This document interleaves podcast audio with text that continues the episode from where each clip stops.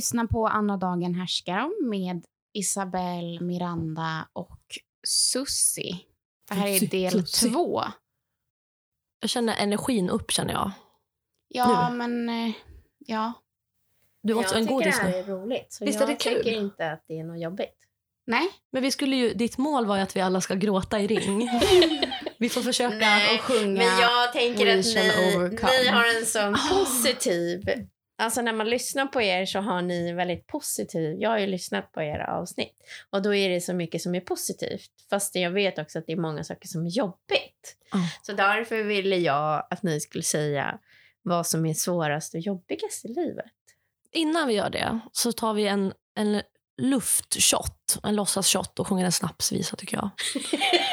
Eh, jag kommer inte Har ni någon? Nej, vi har aldrig... Vi är ingen snapsande familj. gör inte det? Alltså, jag tror att det har varit kanske så här en midsommar eller två som vi faktiskt har... men nu ska Nej. vi bara snapsa luft. Ska jag säga varför vi Ja. aldrig har gjort det? Ja, men för att vi har en alkis Nej, för att min pappa var ju alkoholist. Och varje jul... Alltså jag har märkt på både min mamma och på min pappa. Alltså min mamma har trauma kring alkohol. Hon är jätte, det märkte du också Ja. på julafton. Jag har alltid haft. Nu har jag mer avslappnad relation. Men min pappa satt alltid och så drack han snaps med min farbror och de var jättefulla och jag hatade dem mest av allt i hela livet. När du var barn. Ja, och så Mm. satt, ja, när jag var 20 också. Eh, och så satt de och sjöng snapsvisor och så bara nu ska man ha en i tredje benet också. Så tyckte jag de förstörde hela julen. Så jag tänker att för vissa är det en jättefin tradition och roligt. Fast i min familj så var det inget positivt överhuvudtaget. Det var bara äckliga alkisgubbar. Ja. Det är därför vi inte håller snapsvisor. Men det tycker jag för samtalet innan då till det svåraste. För att jag kan ändå tänka mig att så här, eftersom att vi är många som har ADHD i vår familj Ja. så kan alltså så här, att morfar var alkoholist kan ju Ja, ha varit, varit alltså, ADHD. ja, en, ett självmedicinerande. ja, absolut. Eh, och typ en beroendeproblematik som kommer med ADHD. Det är krigsökandet. Liksom. Fast jag tror att han hade mer ADD för att han prat, alltså han drack ju bara för att bli social. När han ringde då sa han så här, hej det är pappa. Och så var han tyst. Och så fick jag driva hela samtalet. Och han, den enda gången han var social, det var när han drack. Och han drack ju varje dag för att kunna prata. Så att jag tror att, Ja. ja. Att han absolut hade... Men jag tror att det är, eller det tycker jag typ är det svåraste. Alltså så här, eller, som man, eller typ en balans i saker. Det är ju jätte, jättesvårt. Det har jag jättesvårt med. Och det känns som att om man ska ha en balans i typ alkohol, i så här sin alkoholkonsumtion. Så för mig är det då kanske allt eller inget. Um, eller om jag har en bra eh, balans i det så kanske det är att jag istället har en extrem obalans i någonting annat. Alltså det är jätte, jättesvårt. För att, och, så här, och det tror jag också kommer med att man är, har en beroendeproblematik och att man ersätter ett beroende med någonting annat. Så jag tänker också att det har med... Alltså det, jag vet inte jag vet inte hur det är för dig. För jag har också alltid haft en svårighet i att ha en balans i vad som helst. Ja. Med Mm. träning, med mat, med alkohol. Med... Sen så nu när jag upplever så här, gud jag har blivit så tråkig. Men För att du har rutiner. det är för att jag har rutiner och jag mår så mycket bättre i mitt liv än vad jag någonsin har gjort i hela mitt liv. För jag har ingen ångest. Eh, jag mår jävligt bra. Men jag tycker också att jag saknar det här, åh, ska det aldrig bli så där roligt som det blev förut när jag var ute jättelänge, jag feströkte. Alltså jag hade alla de här roliga kickarna. Fast jag hade också jävligt mycket ångest jämt. Och nu så tycker jag så åh, jag är så himla tråkig. Fast jag är också en mer trevlig person i överlag. Så. Men jag kan sakna det jättemycket. Men det är också svårt. Att, och det ser jag på alla i omgivningen som har ADHD, att de har så jävla svårt med balansen. Och det är väl därför det är ett funktionshinder, Ja. tänker jag. Ja, men det var ju någon som sa att det är, beskrev ADHD som bäst att det är regleringsproblematik. Ja, och det är ju verkligen så här Mm. spot on, Mm. känner jag. För jag har alltid sagt att det, här, det är svart eller vitt. Det är allt eller inget hela tiden. Och så fort typ någonting blir bra så börjar man, eller jag börjar i alla fall tänka på Nej, vad var det du hade för fråga? Vad frågade du? Vad som var svårast, jobbigast i livet? Jobbigaste livet. Ja, det är också jätte... Men det är där, eller det är en sak. Men man kan ju dela upp det. Det kan ju vara svårast eller det jobbigaste. Ja. Var du klar? Vad var ditt? Ja, men det där Ja, med men balansen. det sa jag. Ja. Balansen. Alltså just också här, eh, att ersätta olika saker med andra. Alltså typ ha, försöka ha en hälsosam relation då till mat till exempel. För eftersom att jag har haft en ätstörning. Att så här, då ersätts också kanske att sen om jag har en hälsosam relation till mat så ersätts det så att jag har en ohälsosam relation till någonting annat. Ja. Det, den balansen är jättesvår. Ja. ja, jag tycker, men det är också mitt största problem. Liksom. Eh, och vad tänkte jag mer? Jo, men jag har verkligen beroende personlighet. Och det fattar jag ju väldigt tidigt, vilket jag är fett glad för. För annars hade jag verkligen hamnat i typ drogmissbruk. För jag självmedicinerade med alkohol jättemycket under gymnasiet. Alltså innan jag hade fått hjälp. Och då fattade jag på något vis att jag självmedicinerade ändå. Vilket jag är så tacksam för. Eh, så jag började ju aldrig, typ, när jag flyttade till London efter gymnasiet så jag har sagt gymnasiet sju gånger i rad. Gymnasiet. Eh, nej men då var man ju runt droger hela tiden. Eh, ja, förutom alkohol och nikotin och tobak som också är droger. Men jag liksom sa nej. Jag tänker aldrig prova droger, såna droger. För att jag vet att jag kommer fastna. Jag kan inte bara ta det någon gång för att det är kul. Och det är jag så himla glad för nu. För att jag, jag snusar och röker och dricker alkohol. Och jag kan liksom inte sluta. Eller jag kan, jo jag kan. Om jag vill. Och då är det också så roligt för då måste jag sluta helt. Och då kan jag sluta på, sam- på en och samma dag. Men jag kan inte typ feströka. Och då blir jag så här, det är jobbigt typ när mamma tjatar men du borde inte, det är inte bra. Jag bara, jag vet men jag måste själv vilja det annars kommer jag inte hålla ut. Och jag vet att när jag börjar jobba som lärare så ska jag sluta röka. Och då vet jag att jag klarar av det. Men då måste jag helt sluta. Och lika typ träna. Ja, men, ja, men det här är såna jobbiga grejer. Det har jag ångest för hela tiden. För jag bara, jag borde träna, då mår jag bättre. Men jag orkar inte sätta igång och börja träna. För det är en sån jobbig grej. Liksom. Och då så bara grottar jag ner mig ännu mer i det. Och så för, har jag försökt flera gånger, du vet, gått på så här innebandyträning. För jag kan inte bara stå på en jävla tråkigt gym liksom, eller springa. Det är det värsta jag vet.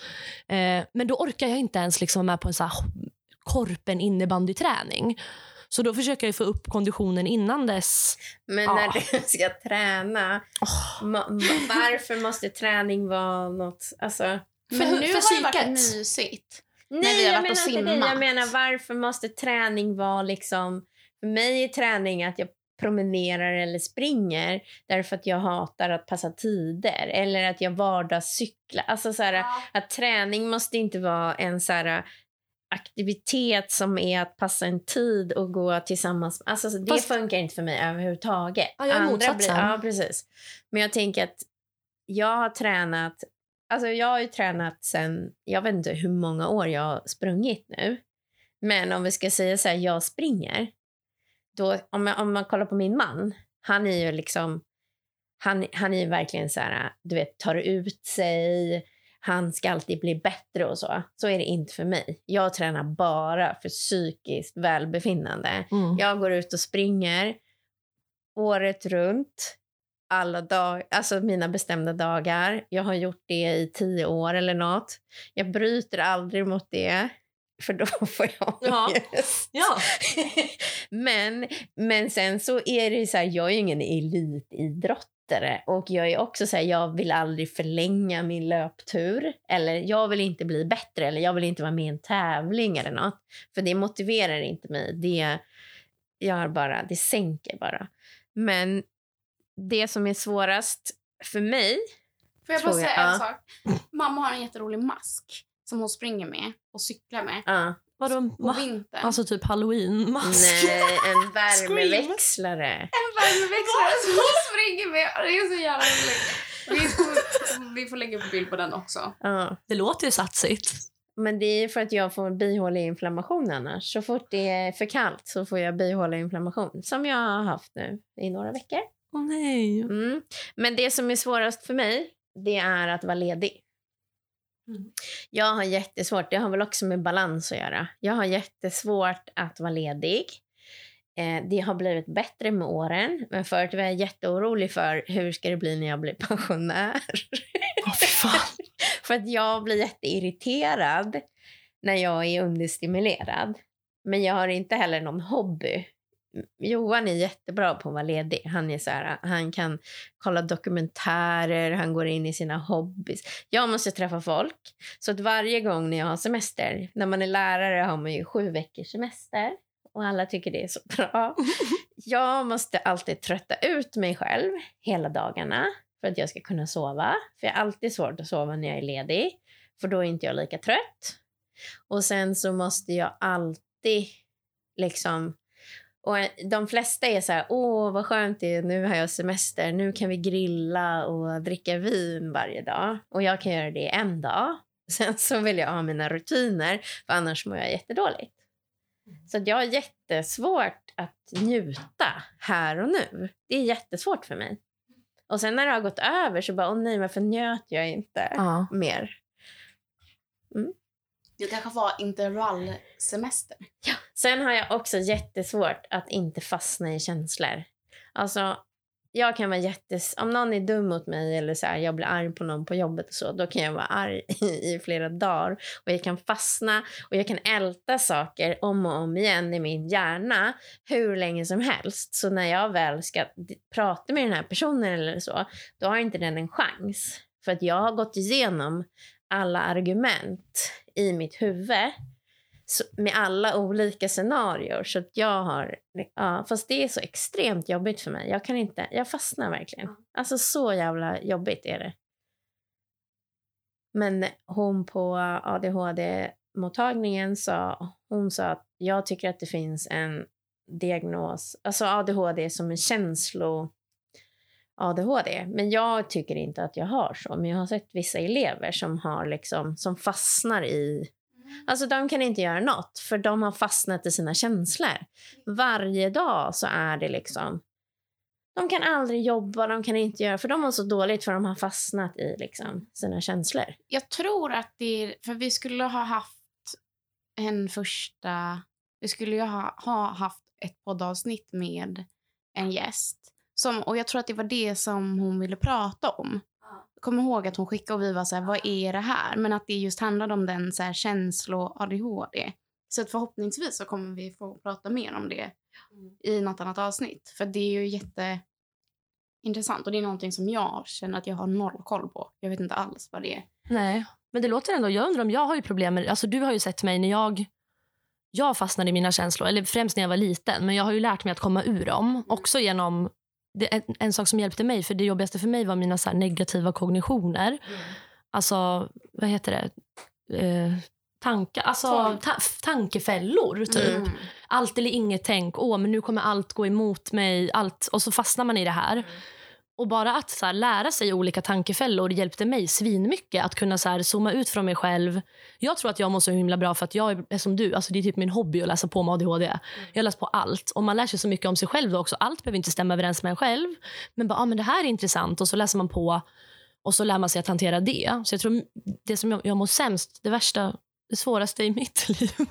Jag har väldigt mycket ja, kontrollbehov och katastroftankar och typ hypokondriska tendenser. Alltså jag, jag är alltid rädd att jag ska typ att jag har någon sjukdom och det, det kan man liksom inte se och det är det som är så läskigt. Så då kan det vara så här, om jag typ har mycket i skolan så är det det som är främst som är jobbigt. Åh, nu är det jobbigt i skolan. Men så fort jag kanske har skrivit en uppsats eller är klar med det, då är det så här, ja just det, den här knölen i benet. Förstår du? Det är alltid Mhm. någonting som ligger där och ger mig dödsångest. Och att jag inte vågar resa, typ, eller jag älskar att resa. Det är ju min typ terapi. Eh, men samtidigt så är jag skitflygrädd, så jag tvingar mig själv. Liksom. Men det är sån, ah, alltså så här, det är det värsta för mig. Och det har ju också varit typ det här, mina kontroll, m- prestationskrav, betyg och sånt.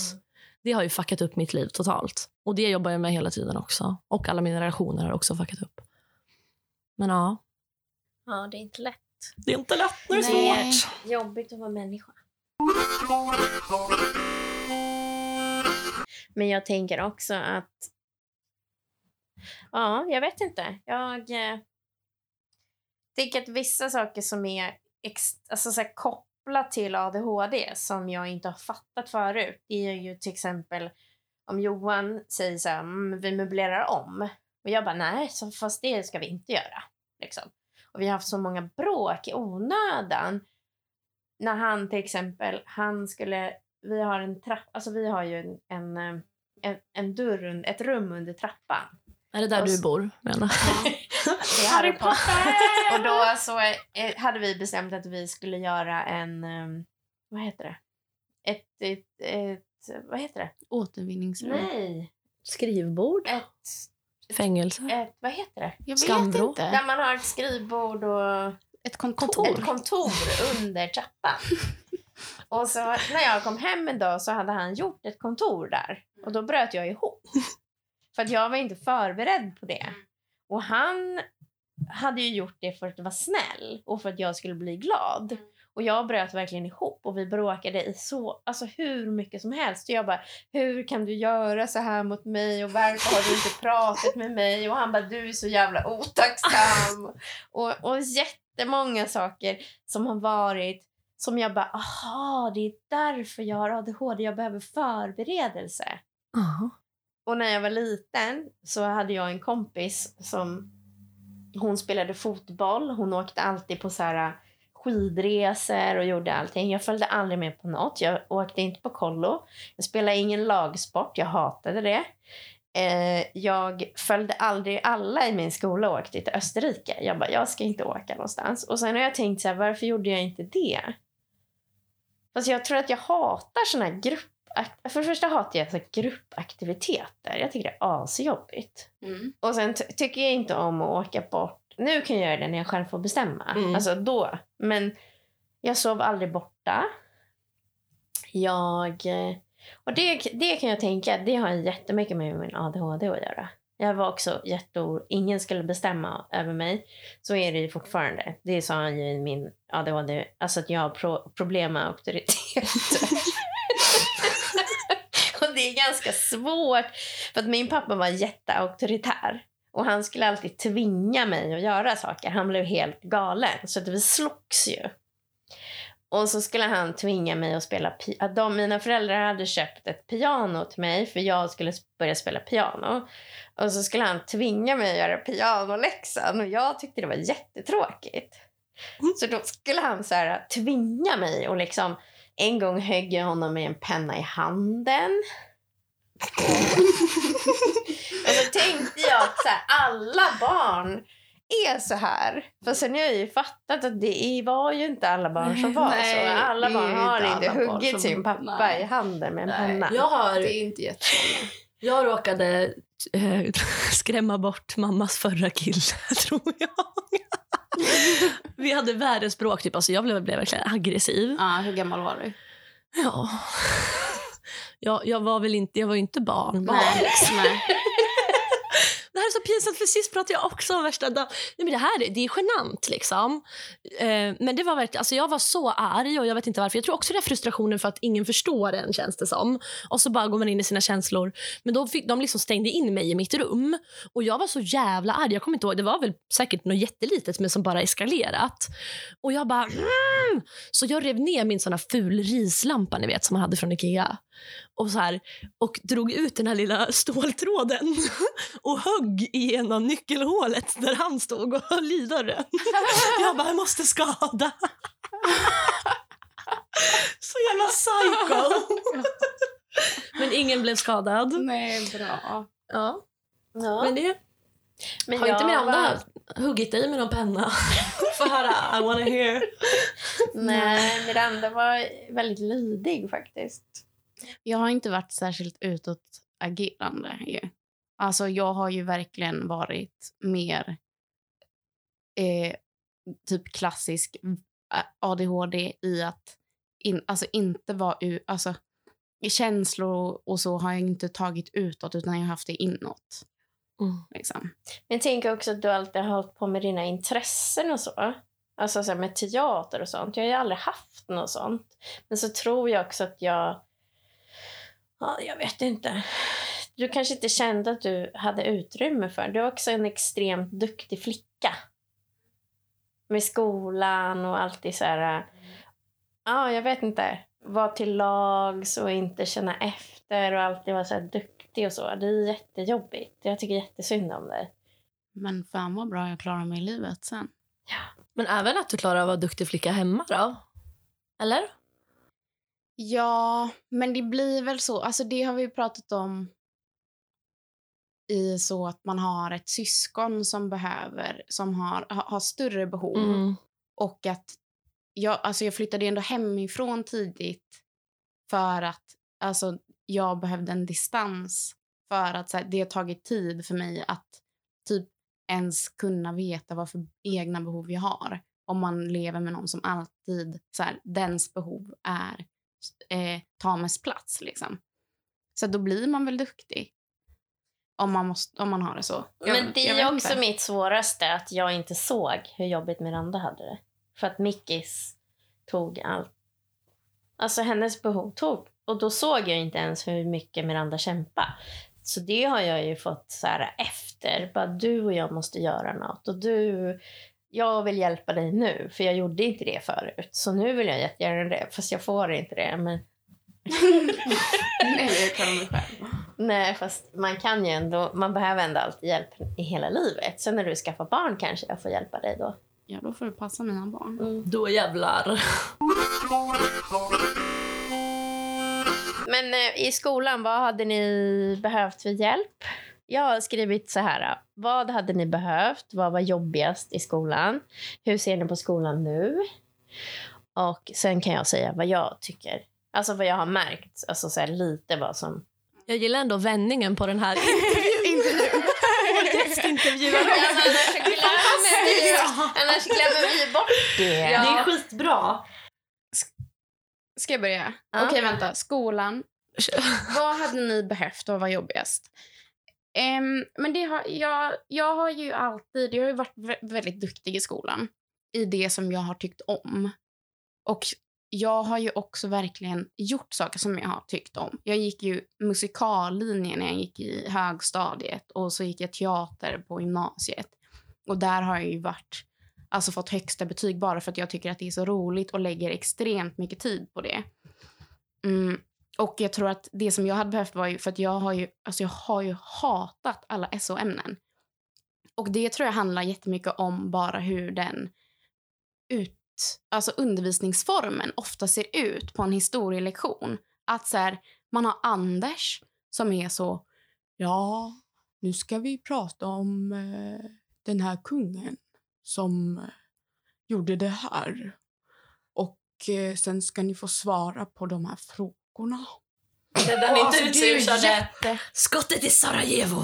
Nej, alltså det är ju extremt så här, bara en lärare som pratar med sjukt entonig röst och så ska man läsa 50 sidor och så ska man svara på frågor. Och jag gjorde ju inte det. Alltså jag har ju aldrig gjort det. Jag har ju alltid legat på gränsen i de ämnena. I så här, gjort minsta möjliga. Jag skrev av mina klasskompisar för att jag var så här, jag har inte gjort det här. Liksom. Och, och där hade jag behövt typ att någon såg så här, det handlar inte om att jag är ointresserad. Det handlar om att jag har svårt för den formen av undervisning. Precis.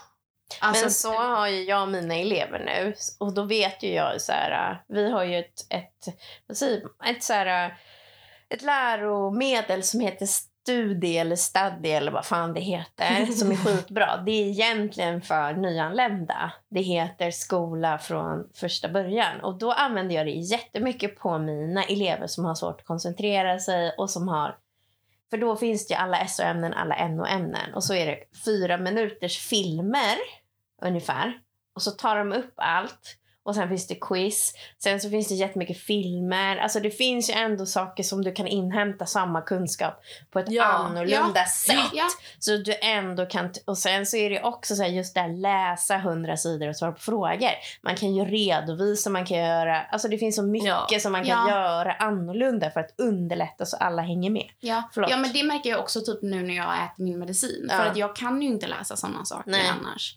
För att jag tycker att alltså, det går inte. Jag, alltså, Nej, det jag tar vet. Jag har en också timme för mig att läsa två meningar för Ja. att jag måste anteckna varje ord om det ska komma in. Ja. Men jag tror att en annan sak som är det är ju att, för jag var ju ändå fick gå till så skolsköterskan för att jag hade svårt att sova. Och att det ändå var lärare ibland som kunde plocka upp att det var någonting. Mm. Men att det, det var, eftersom att jag också var duktig. Och, Så såg och, ju ingen nej, men precis, behov. Och så här, typ, då hade jag ändå behövt att det var någon... Alltså de släpper en väldigt snabbt. Mm. Att så här, ja du kan inte sova och sen så är det så här, oj jag råkade, det här mötet blev inställt och de tar inte, de ser inte till att så här, men vi Nej. bokar in ett nytt möte. Typ, vi ska ha den här uppföljningen under en hel termin liksom. Att vi ses på det här sättet.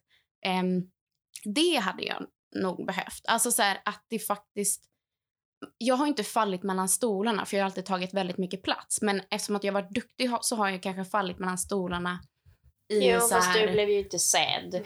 Och det var jag som ringde skolsköterskan och eftersom de inte hade en kurator så fick du gå till skolsköterskan. Ja, Sen så sa ju hon typ nu avslutar vi istället för att kanske skicka dig till ungdomsmottagningen då. Och, liksom, ja. och jag litar ju på henne Ja, och det är det som jag tycker är så ja men för det är så himla ruttet. konstigt att de är så här typ, aha, hon har inte kunnat, det tar tre timmar för henne att somna. Ja. Så här, hon bara, skriv ner dina, det du tänker på när du ska sova. Lyssna, alltså jag har ju haft alla dem, jag har gjort alla såna så här, lyssnat på avslappningsgrejer, Mm. aktiverat mig. Alltså det var inte som att jag var en hem... Alltså, men, där hade man ju ändå kunnat plocka upp. Ja, Liksom, det var och fånga jätte... upp Och jag kan ju ju. se, du har ju haft svårt att sova sedan du var liten. Ja. Och ändå så har du träffat någon och de bortser ifrån det här äh, barnet har de här svårigheterna. Hon pratar jättemycket. Det måste de ju ändå ha tagit upp. Jag fick ju hemringningar tusen gånger. Och ändå så ser de inte det här. Det är Ja, men så för det, han, det är ju också Ja. okunskapen kring alltså, eh, Tjejer och Tjejer, och ja. Jag vet. Ja. Och då är det ändå så här norm... Alltså när man tänker efter, jag var ju äkta ADHD-barn deluxe liksom. Och då var det alltså väldigt verbal. Jag har alla det här stereotyp ADHD fast jag var tjej. Och tänk de då som liksom på vår tid kanske var tjej och typ var tyst. Alltså, då kan man ju... Det är ju... Ja, Ja. för fan. Men när jag... Ja, nu kommer jag in. Men när Mickis skulle göra sin utredning... Oj, förlåt. slår till Ja, men jag gör alltid så. På Min jobbet slog jag huvudet i en stålgrej Ja. också. Ja. Men när Mickis skulle göra sin, eftersom Mickis inte var utåtagerande, då så gick vi först till BUP Brommaplan. Och då, då stannade hon ju ändå hemma. Och alltså hon hade jättejobbigt i skolan. Och så. Då säger den psykologen till mig så här. Det är normalt att barnen stannar hemma. Jag bara, fast det kan ändå inte vara det. Mm. Men man litar ju. Man litar Ja. fullt på dem. Och då sa min kompis som var skolsköterska, hon bara, nej Susie det är inte normalt, nu får du byta BUP. Mm. Och då ringde jag BUP Kungsholmen och så träffade vi en psykolog där och så gjorde de utredning. Men det är också så och så sa jag så här, gör en bred utredning, gör både ADHD och Asperger. Och de bara, nej vi ska inte utreda Asperger, hon har inte avvikande ögonkontakt. och man bara, men snälla, jag orkar inte. har väl inte ens alla som har Asperger? Alltså, det är precis. jättekonstigt. Och de jobbar på BUP. Jag vet, liksom. men hon var jätte... De bara, hon hon var gillar inte rymden. och jätte så här, ny, tror jag. Jo, Och- och sen var det skulle- också- Äh, oavsett, det är inte första gången. Och, nu så, och sen så var det också så här att eh, Mickis ville ju inte att jag skulle hjälpa henne. Så att vi bråkade jättemycket för hon stannade jättemycket hemma från skolan. Och så sa den här psykologen, Mickis vill inte att du ska lägga dig i. Hon vill ta eget ansvar. Jag bara okej, men då lägger inte jag mig i då. Så då kom hon, istället för att komma en timme för sent till skolan, då kom hon fem timmar för sent till skolan. För att det gick så bra när hon skulle... Jag tyckte att den här psykologen gav så bra råd. Mm, faktiskt. Det var top notch. Ja, säg nu, vad, fortsätt ni med skolan. Vad... Så du hade behövt mer kunskap från de som jobbar i skolan Mm. kring de här frågorna. Du hade också blivit, behövt bli mera sedd. Nå, ja, alltså jag blev, hamnade ju i facket lite så här eh, stökig tjej. Ja, tonårsproblem Men, som går över. Alltså, men att eh, om jag hade varit stökig tjej och haft dåliga betyg, ja. då kanske jag Ja, hade hamnat precis. i någon typ av problem. Eller om du hade slagits. Om du Ja, stör precis. Så jag var andra. mer så högljudd och var med. Alltså, vi var ju stökigt gäng liksom. Eller, Ja. Vad hade ni... Gud, alltså, känner ni min energi här? Den är låg nu. Vill du ha en frukt? Ja, det är bra, tack. Men tack. Jag kommer få, jag får, jag får energi. Vad hade ni... Vad har, vad har vi pratat om? Vi har, typ- Nej, men Vad som var det jobbigast, svårast i skolan och vad man hade behövt? Aha. Ja, eh, jobbigast var väl att jag trodde att jag var puckad. Trodde jag. Jag har insett nu att jag är smart. Liksom. Och det tog jävligt lång tid. Ehm, och då, för då vill jag lyfta en bra grej. För det var typ i gymnasiet så kommer jag ihåg alltså så här små grejer bara som spelar så stor roll. Typ min eh, samhällskunskapslärare. Hon eh, var väldigt så här, hård typ. Eh, svinduktig. Men oj. Och då, jag fick väl inte så mycket beröm liksom, någonsin. Sen så typ, min syster är ju så här MVG plus-barn. Typ, så då har man ju alltid jämfört sig med henne. Och jag är ju så jävla smart, för jag ville ju ha höga betyg i allt. Så jag typ tog ju hennes gamla uppsatser och skrev om lite grann. För att jag alltid haft svårt att skriva. Så jag liksom lyckades ju fuska till mig typ MVG i alla ämnen. Fast jag var, och då trodde jag ju att jag själv var osmart. Men varför trodde du att du inte... Varför trodde du att du var puckad? Vad i omgivningen signaler gjorde att du trodde att du var puckad? Ja, men först, alltså det har jag berättat för dig ju Miranda. Men typ, du kan få höra min mellanstadiet. Eh, då var jag ju sån... eh, alltså jag sprang ut i kapprummet och typ spelade fotboll på lektionerna och liksom hoppade runt och lät. Men vi hade också många ADHD-killar i klassen som fick gå ut till en liten grupp ibland. Så de fick ju liksom all uppmärksamhet.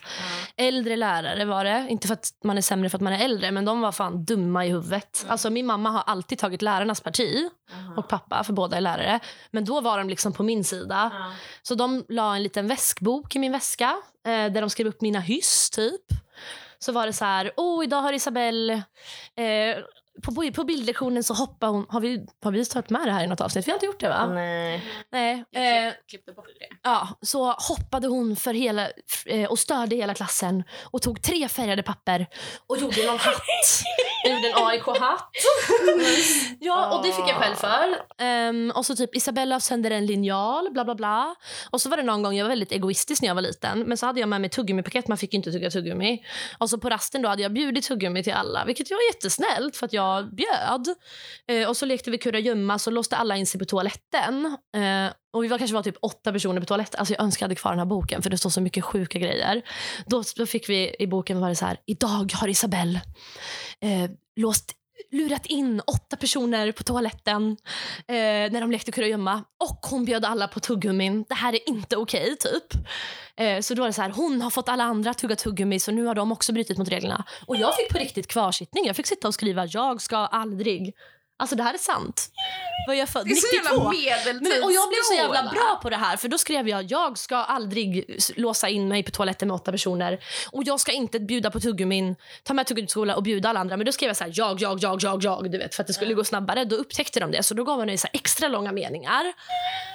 Eh, vad fan mer? Ja, men det här är också det värsta. För det har jag sett nu på så här, lyssna förståelse i engelskan. Oh my god. Alltså du vet de sitter och pratar och så är det så här eh, en bil som kör förbi typ. Du vet, det åker ju ut. Det de säger så ska man lyssna bara okej vad är frågan? Och då fick vi inte anteckna för att man ska ju komma ihåg allt det här. Jag bara jaha, men jag fattar ju vad de säger på engelska men jag kommer inte ihåg. Så då satt vi och lyssnade hela klassen och man fick inte skriva. Utan det var så här, klara färdiga, gå, sen skulle man skriva typ. Men då satt jag och antecknade svaren. För att jag vet ju att jag glömmer bort dem. Så jag hittade ju en skitbra strategi, lilla Isabelle liksom, som går i fyran. Och så såg läraren det här och bara pausade spelaren och bara Hörre ni, allihopa. Kolla här, Isabelle har fuskat. Tycker ni att det här är rättvist? Och så fick alla i klassen säga nej. Och så rev hon sönder den framför ögonen och kastade den i papperskorgen. Och det var så här... Men grejen är att det här lever ju kvar. Ah. Jag har ju fortfarande... Alltså när man jobbar med elever som har svårt, då ska man ju lyfta det som Ja. fungerar. Och det är också så här att man ringer hem till föräldern och rapporterar. Vad ska föräldrarna göra åt det som händer i skolan? Nej. Alltså det finns inget som de kan göra åt det. Och sen är det också när man gör hörförståelse. De, alla elever som har ADHD de ska göra hörförståelse med egna hörlurar. Mm. För att annars så tar de liksom... Men det är också så här enkla grejer som sista veckan då, då kollar alla på film på alla lektioner. Fråga Miranda vad hon tycker om det. Ja, men i alla fall, och så hade jag min elev som har jätte-ADD. Ja. Och, och, och läraren bara, Ja, hon bara springer runt hela tiden. Jag bara, jaha, fast hon måste kolla på filmen själv med egna hörlurar. Jaha. Men så hade hon ju glömt sin iPad. Och jag bara, men vet du, låna min iPad, låna mina hörlurar. Och så satte jag igång henne och så jag bara, hur gick det? Hon bara, det gick jättebra. Och det är en sån så enkel grej. Och sen så måste, har jag märkt att man måste vara, om jag säger så här, den här eleven måste göra hörförståelsen i ett litet, de måste göra individuellt. Jaha, men vi var bara fem. Fast det spelar ingen roll. Hon måste göra själv med hörlurar för att hon kan inte sortera ut de andra. Alltså, och sen så hade jag, jag försökte förklara för min elevs föräldrar. För att föräldrarna förstår inte. De förstår inte heller vad ADHD är. Skolan förstår inte heller vad ADHD är. Så jag vet inte. Jag tänkte att jag skulle bli någon coach som följer med alla föräldrar på möten och, och ställer krav och säger vad deras barn har rätt till. Jag tror det är svinbra. Alltså också lära sig så här, ah, men okej, då hur kan man lösa det då om man sitter på ett café? Men då kanske man tar på sig hörlurar för att få stopp på omgivningen. Måste, för man måste ju ändå anpassa sig. Alltså samhället är inte ADHD-anpassat och det borde ändras. Men samtidigt så kommer inte det ske på en dag. Så man måste ju kunna alltså, hitta strategier i det också. Ja, nej men det var jobbigt för mig då. Men jag fattar inte så mycket, jag kommer inte så mycket ihåg av det där. Men sen började jag ju på friskola. Eh, på Engelska skolan och då var det så här, alla MVG-barn går där typ och min syster gick ju där. Och då istället så blev jag ju fixerad vid betyg för för det första provet, eller det, det som faktiskt var det jobbigaste var, men det var någon intagningsprov en dag där man satt och skrev. Skitkonstigt. Och sen på sommarlovet då innan jag skulle börja och redan innan så hade ju lärarna där på mellanstadiet för då slutade jag redan i sexan och då var det åtta andra i min klass som slutade också. Eh, och det var ju så här, du vet i en liten by där alla känner, ja. Ehm, och då blev ju lärarna arga på mig. Så bara, ah, gör du det där på Engelska skolan, då blir det two minutes out. Och så typ hade vi någon tävling där. Eh, vi skulle måla om skolan, alltså innan jag började högstadiet. Ehm, de där elaka lärarna. Då fick jag inte vara med på den. De bara, nej men du kommer inte vara kvar här då. Och du har ju sett till så att åtta andra inte kommer vara kvar. Så ni kan gå in eh, till sexorna och räkna matte istället. Alltså på riktigt. Jävla bitch. Eh. Jag såg henne nu när jag var hemma. Jag ville fan slå henne men jag kollade bara bort. Alltså, ja, nej. Elak människa. Men i alla fall, sen började jag på Engelska skolan och då fick jag högsta betyg på första provet. Och så skrev läraren upp det på tavlan. Isabelle stod, mitt namn stod på tavlan och en annan. Så jag bara, vad har jag gjort nu? Alltså det var min spontana reaktion.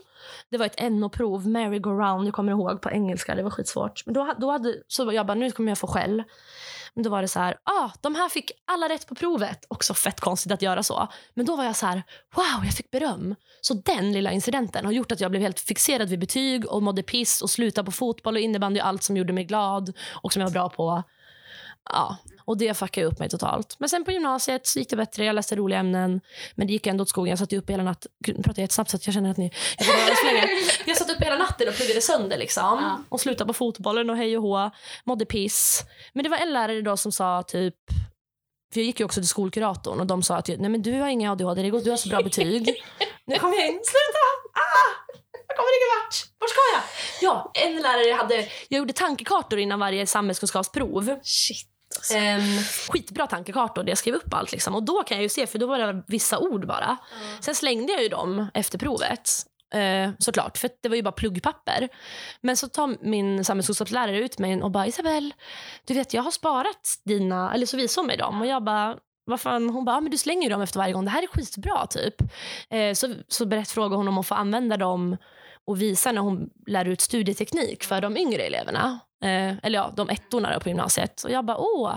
Så sa hon, jag bara, vad kul typ. Så sa hon bara, ja men du har sån jävla förmåga. Alltså det var första gången någon har berättat. Hon bara, du har förmåga att se Alltså du kan analysera i typ 7000 olika steg som andra inte kan. Och det är så jävla grymt. Och hon bara, jag ser att du typ...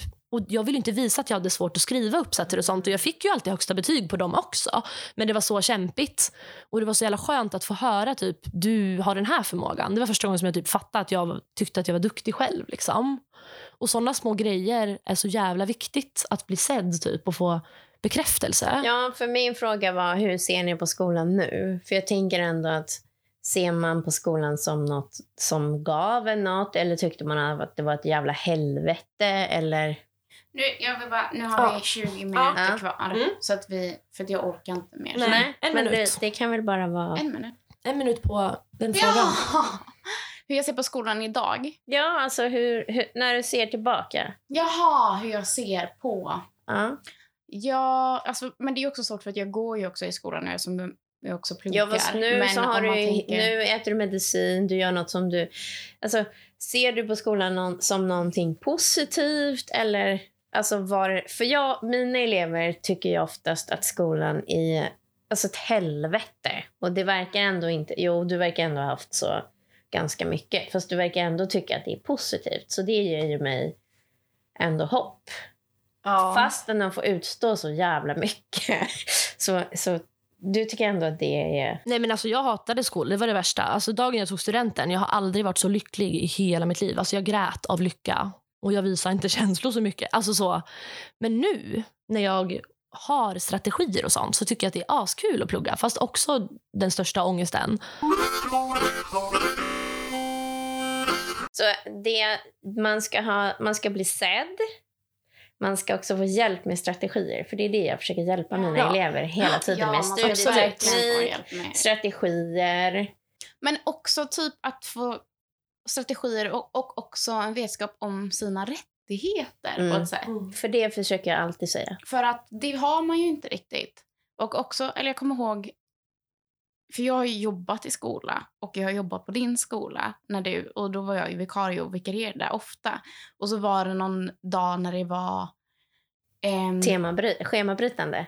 Temadag. Ja, temadag. Mm. Och så pratade man om diskrimineringsgrunder och Ja. att det finns direkt diskriminering och indirekt diskriminering. Och då jobbade du i en liten grupp och att då så här, indirekt diskriminering är ju att till exempel om en person har rullstol att man inte har en tillgänglig skola. Så här, det, du kan inte ha, komma upp till lektionen på andra våningen. Och att det är ju så många just som har liksom, funktionsnedsättningar som blir jämt och ständigt Ja, indirekt diskriminerade i skolan. Ja.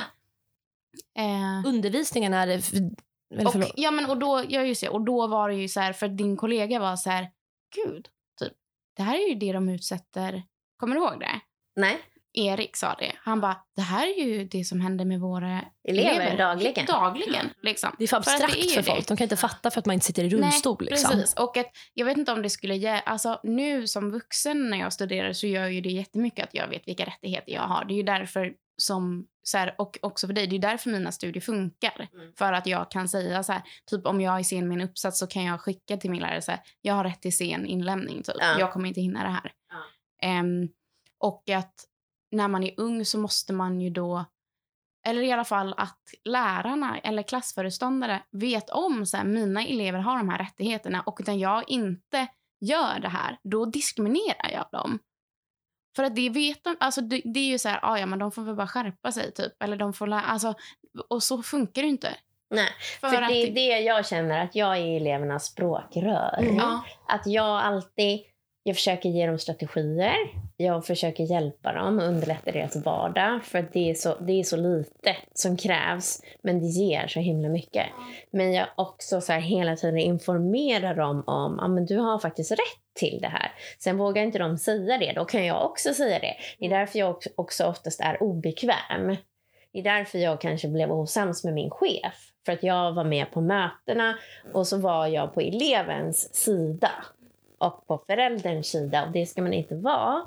Utan man ska vara på skolans sida som inte men det anpassar. är jätteviktigt att ha. Alltså så var det också nu när jag, alltså, du, nu när jag började plugga på Valand. Ja. så kontaktade jag ju min eh, studievägledare där. Och så hade vi ett första möte och hon är så himla mycket på en sida. Så också typ efter att det hade gått kanske en termin och så var hon så här, men då har vi möte med programledaren och du och jag. Och då satt vi där och då så satt hon så här mitt emot programledaren som är så här, alltså hon är lite läskig. Hon har sån jävla auktoritet och hon är så här cool konstnär liksom. Och hon bara, aha, typ, men läser, får, får era lärare kunskap om det här? Typ om funktionsnedsättningar? För att jag bjuder in er till föreläsningar hela tiden och det är jätteviktigt att ni går på dem. Så här, det är jätteviktigt att ni fortbildar er, fortbildar er inom det här. Liksom. Och då programledaren var så här, ja, ja, eh, vi har väl fått någon mejl kanske. Ja. För mig så gjorde det jättemycket. Alltså för att det, är inte, det har inte varit lätt i skolan. Liksom. Och det har inte varit... För att hon såg ju mina behov. Även om jag är vuxen så är det så skönt att ha någon som är på en sida. Det är, så, Och då ja, det är liksom när man är det viktigaste, barn. Ja. bara, eh, tror jag i alla fall. Mm. Ja, det är det viktigaste. Och det var ju det jag skulle säga. Att det som jag har märkt, för att jag tror att många lärare är rädda. De vet att jag vet inte hur jag ska göra, jag vet inte hur jag ska hjälpa den här eleven. Och så bara vill de helst bli av med den. Eller tänk. Men jag, det som jag har märkt är det viktigaste. Det är att jag säger till eleven så här, men vet du, jag hjälper dig med det här. Vi gör det tillsammans. Jag finns här för dig. Säg till mig så hjälper jag dig. Och vissa säger inte till och då frågar jag hela tiden. Och det är det som är det viktigaste. Sen kan man säga så, ja, prata in text eller gör det här eller ha kortare genomgång och så. Men bara jag säger till eleven, vet du, jag hjälper dig. Då löser det allt, för de känner att de har någon. Sen kommer jag göra fel och jag säger alltid så här, men vet du, jag kommer säkert göra fel jättemånga gånger. Då får du ha lite tålamod, för det, det tar alltid tid innan vi hittar det sättet som funkar. Men jag vill jättegärna hjälpa dig och då brukar det Ja. hjälpa hur mycket som helst. Alltså de, att de ser bara att någon bryr sig. Ja, för man får precis. alltid negativ bekräftelse hela tiden. Och då vet man att man är den. Och du vet, barn blir chockade typ. Vad skulle jag säga? Jag tror så här. Vad tror du om det här? Jag tycker att ADHD-studenter ska få sitt CSN betalat som pluggar till lärare. Vad tror ni om det? Ja. Men det, det som jag också skulle de behövs i säga... skolan. Det som också jag skulle säga när jag var på SPSM, vet ni vad det är? Ja. Ja, spe, spe, specialpedagogiska skolmyndigheter. Visst, det jättemycket så här, Är det där du ska börja jobba? ja, men Mm. då så finns det jättemycket om så här, det här har du rätt till när du pluggar på högskolan och så. Men det är också att det ska funka när man går i grundskolan och när man går i gymnasiet. Men det gör det inte. Det är det som är så himla synd. Och Och det undervisningen... jag... Förlåt. Nej. Du eller jag? Kör den. Nej, men det tänkte jag också bara på när du sa så här, ja, NO-läraren pratar alltid i 40, 40 till minuter. 60 Ja, minuter. och det vet ju jag. Ja. När jag pluggar på äh, universitetet, jag har ju rätt till anteckningsstöd. Att någon annan antecknar och så får jag det. Men det är ju, när man går högstadiet har man ju inga såna. Fast alltså, så- jag har ju sagt det tusen gånger så här, ha klassens sekreterare. Att, att jo, jo, någon... men då måste ju de styra upp det själv. Ja, alltså, alltså, nej, alltså att man säger det till lärarna. De bara, Jaha. ah, vad bra, och så glömmer de bort det. ja. ja. Nej, men, då- men det handlar ju om att ändra undervisning. Och det är så, all forskning säger ju också det att om du anpassar undervisningen, alltså varierar undervisningen. För skolan som institution är helt sjuk. Vi filmade nyss när vi hade en så här learning study att eleverna sitter helt stilla så här och skriver. Det är ju typ så här 30-talet liksom. Man bara hallå, du kan ju, du kan variera formerna och det, ska, alltså det gynnar alla elever om du undervisar icke-diskriminerande liksom. Men då vill jag bara, eh, apropå det, så knyta an till vad vi sa i början. När jag sa funktionsvariation och så sa vi funktionshinder. Alltså för att det tänker jag är varför många väljer att kalla det funktionsvariation. Det är ju för att det blir ett hinder i de yttre omständigheterna. Och att om man har en skola som är anpassad efter olika behov, då behöver det ju inte vara ett hinder. Nej. Alltså det är skolan som, är funktionshin- som utgör funktionshindret. Ja, precis. För det är ju de normerna som utgör vad som är eh, vad man ska kunna och inte kunna och när du då är funktionshindrad. Det är när du inte klarar av det. Men om du om, om det är så Det är här, miljön som är Ja, hindret. precis. Och att det är där, alltså, och sen så, jag tycker också att så här, det, man, eller spelar roll. Man får väl säga vad fan man vill. Liksom. Men, men jag bara menar att så här, det är ju alltså, det, det är en viktig sak att påpeka bara. Att så här, det är ju de yttre sakerna. Mm. Men det är ju så att eleven ska stå för 10% av anpassningen och omgivningen av 90% av anpassningen. Och ändå har jag suttit på så många möten så här, eleven ska ta med sig det här, eleven ska komma ihåg det här. Och jag bara, fast de kan inte det.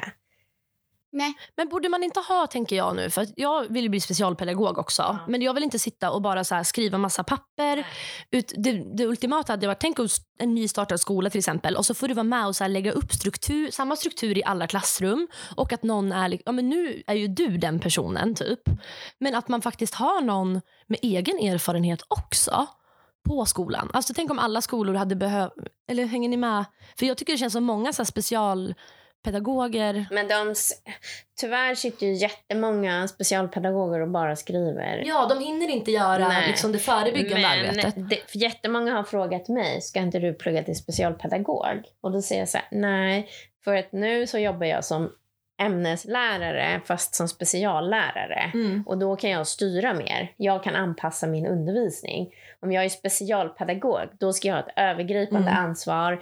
Jag ska hela tiden sitta och skriva massa dokument. Och det är inte jag intresserad av. Nej. För du gjorde ämneslärare inom situationstecken. Ja. Men man ser inte det. Nej, jag vet. Men ni ser det. Ja. Ja. Kul. Eh, Ja, vi måste... Ja, men jag vill bara, jag Nej. ser tillbaks till skolan. Jo, men Jaha, jag, jag trodde du skulle säga att det. vi skulle Jag- sluta. nej, Jag som, bara, nej. som så här, ehm, jag, jag har tyckt om skolan. Alltså att gå i skolan för att jag tycker om den. Jag tycker att typ att plugga är något av det roligaste. Mm. Ehm, och det blir roligare när man är äldre för då kan jag välja vad jag plugg, vill plugga Mm. och det som jag tycker är intressant. Och jag tror att jag har tyckt om skolan för att jag har haft så himla bra vänner. Alltså för mig har det varit det sociala som gör att jag har tyckt om skolan. Liksom. Och det har varit, ja, det är det som, som gör, jag, jag ser tillbaka till skolan som så här, ganska roliga tider. Jag tycker inte det. När jag tänker på högstadiet, alltså, eller när jag tänker på min skolgång. Lågstadiet, då hade jag världens bästa lärare. Hon var liksom... Sen mellanstadiet, och högstadiet, gymnasiet. Jag var lämnad. Alltså jag var lämnad för mycket själv. Jag hade behövt mycket mer stöd. Jättemycket. Så att jag tycker mer att det är så här... Äh, folk, vi har ju gått, jag har gått i samma klass från ettan till nian. Det är ganska onormalt. Och jättemånga har ju en så här romantisk bild och bara kan vi ha klassåterträff och kan vi ha... Bara nej, snälla, ta mig bort ifrån det. Snälla. Alltså det jävla ångestskit. Den personen som jag var då är jag inte i närheten av nu. Så jag tycker det är trauma. Tror du att ditt liv hade sett annorlunda ut om du hade fått en ADHD-diagnos tidigare? Ja, jag hade, jag hade Inte haft varit... hunden? Ja, Jag hade, jag hade mått så himla mycket bättre och varit så himla mycket snällare mot mig själv och inte dömt mig så himla hårt. Du då? Eh, ja, absolut. Eh, Ja, verkligen. På vilket sätt? Ja, men alltså, alltså så här... Eh, varit snällare mot mig själv. Varit... Haft större förståelse för mig själv. Ehm, kunnat... Det som har varit bra med att få en ADHD-diagnos är ju att det är lättare att formulera vad för behov man har. Och att känna, typ, känna sig berättigad till att prata om sina behov. Mm. Och det är ju skevt i sig, men det är ändå alltså det är som att man har en uppbackning på något sätt. Är det nu vi ska gråta? Vi ringer. du då? Vad var det? Om det hade hjälpt att få... Om ditt liv hade varit annorlunda. Ja, jag hade mått mycket bättre tidigare. Liksom. För nu känns det som att jag är på väg att må bra. Men tänk om man hade fått börjat det redan tid. Alltså. Men samtidigt så kanske... Ja, för jag har tänkt innan, fan om jag hade fått det tidigare kanske jag inte hade haft lika bra betyg. Men samtidigt så hade jag mått så mycket bättre. Jävla betyg, vem bryr sig? Tänk om jag hade kunnat börja tänka så redan då.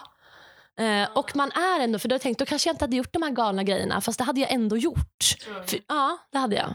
Men jag tänker också att betyg... För ni har ju ändå, ni har ändå kämpat och sen har det gett er något. Jag har ju Ja. elever som kämpar. Och jag har en, en elev, han är världens gulligaste. Han är så jävla ADHD. Alltså hans ADHD är så tydlig. Så det går, hans, hans hjärna är ju som en torktumlare. Och så säger jag så här, åh vi ska bearbeta texten. Och sen så vet jag så här, det här kommer inte gå. Det kommer inte att gå.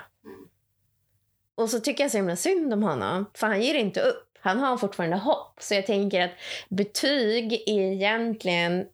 Alltså det kan vara, det kan vara ett kvitto på att man är smart. Fast det kan också inte visa ett jävla skit, Nej. för han är jättesmart. Mm. Men han, han kan inte skriva en text med en röd tråd. Och det är det som är så läskigt för det är så många som så här, ah, och så kan de inte liksom göra det som de vill jobba med och som de skulle vara svinbra på för att de inte har de där jävla betygen. Nej. Så jag det är så tänker irriterande. betyg... Jättemånga av mina elever mår fruktansvärt dåligt av sina betyg. Ja. Så jag vet inte. De tror att det är att de är dumma i huvudet. Och så Mm. förklarar jag så här. Fast skolan är så här. Du ska sitta still si och så länge. Det är du jättedålig på.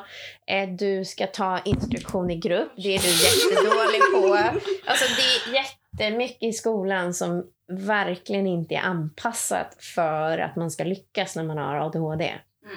Alltså det suger verkligen. Men det kan vi ändra på. Ändra på. Nej, nej, pass inte än. Vi måste fråga, har du någon eh, tatuering? Jag ja. Ja. ja. Eller? Berätta om din första ADHD-tatuering när du och Johan var tillsammans ett halvår. Ja, då tatuerade jag Johan i svanken. Love it. Min Fast jag mamma har en tror att det var tre månader faktiskt. Jag tror inte det var ett halvår, jag vet inte. Men det har ju hållit. Ja. Hållt. Ja. Hållt. Vilken jävla dialekt jag har fått nu i Norrland. Nej, inte Norrland. Fan vad roligt. Okej. Är vi- Eh, alltså, det är så kul. mycket mer jag hade Ja, velat. men, det man kan vi- ju också köra follow-up. Ja. Alltså bara för att du har varit med en gång. Så, Jag kan ju vara med tio gånger. ja, ja. du Jag kan få vara vår expert. tröttnar. Nej, det tror jag inte. Eh, men eh, tack så jättemycket för att du ville vara med. Det var jätteroligt. Men vänta, stopp nu. Jo, Ska vi... Isabel, nu vi avslutar måste vi. ha en tävling mellan er. Nej, Vem som nej, är bäst. nej. Jo, okej, så här. Tack för att du var med, mamma. Man, man, vi måste avsluta så här. Okej. Eh, inte den här. Nej men gud, håll Nu Nu ska vi avsluta. vi. Kul. Och tack så jättemycket för att du, var, du fick vara den första personen Ja. som vi intervjuade. Tack för att jag fick Tack. vara det. Ehm, nu. Läs böckerna. Ja, vi lägger upp en bild på Mm. dem så, så finns de att hitta. Kommer du göra någonting mer nu? Vad är nästa? Det är en bra sista fråga. Vad är nästa ADHD-move? Eller i din ADHD-karriär? Ingen aning. Att jag ska börja jobba på SPSM. Fast det är, den skolan är för elever med språkstörning. Fast de har ju oftast ADHD eller autism också. Mm. Men jag tänker att det är en bra ingång till något annat. Tack. Hej då. Hej då! Tack, Hej då. tack, tack!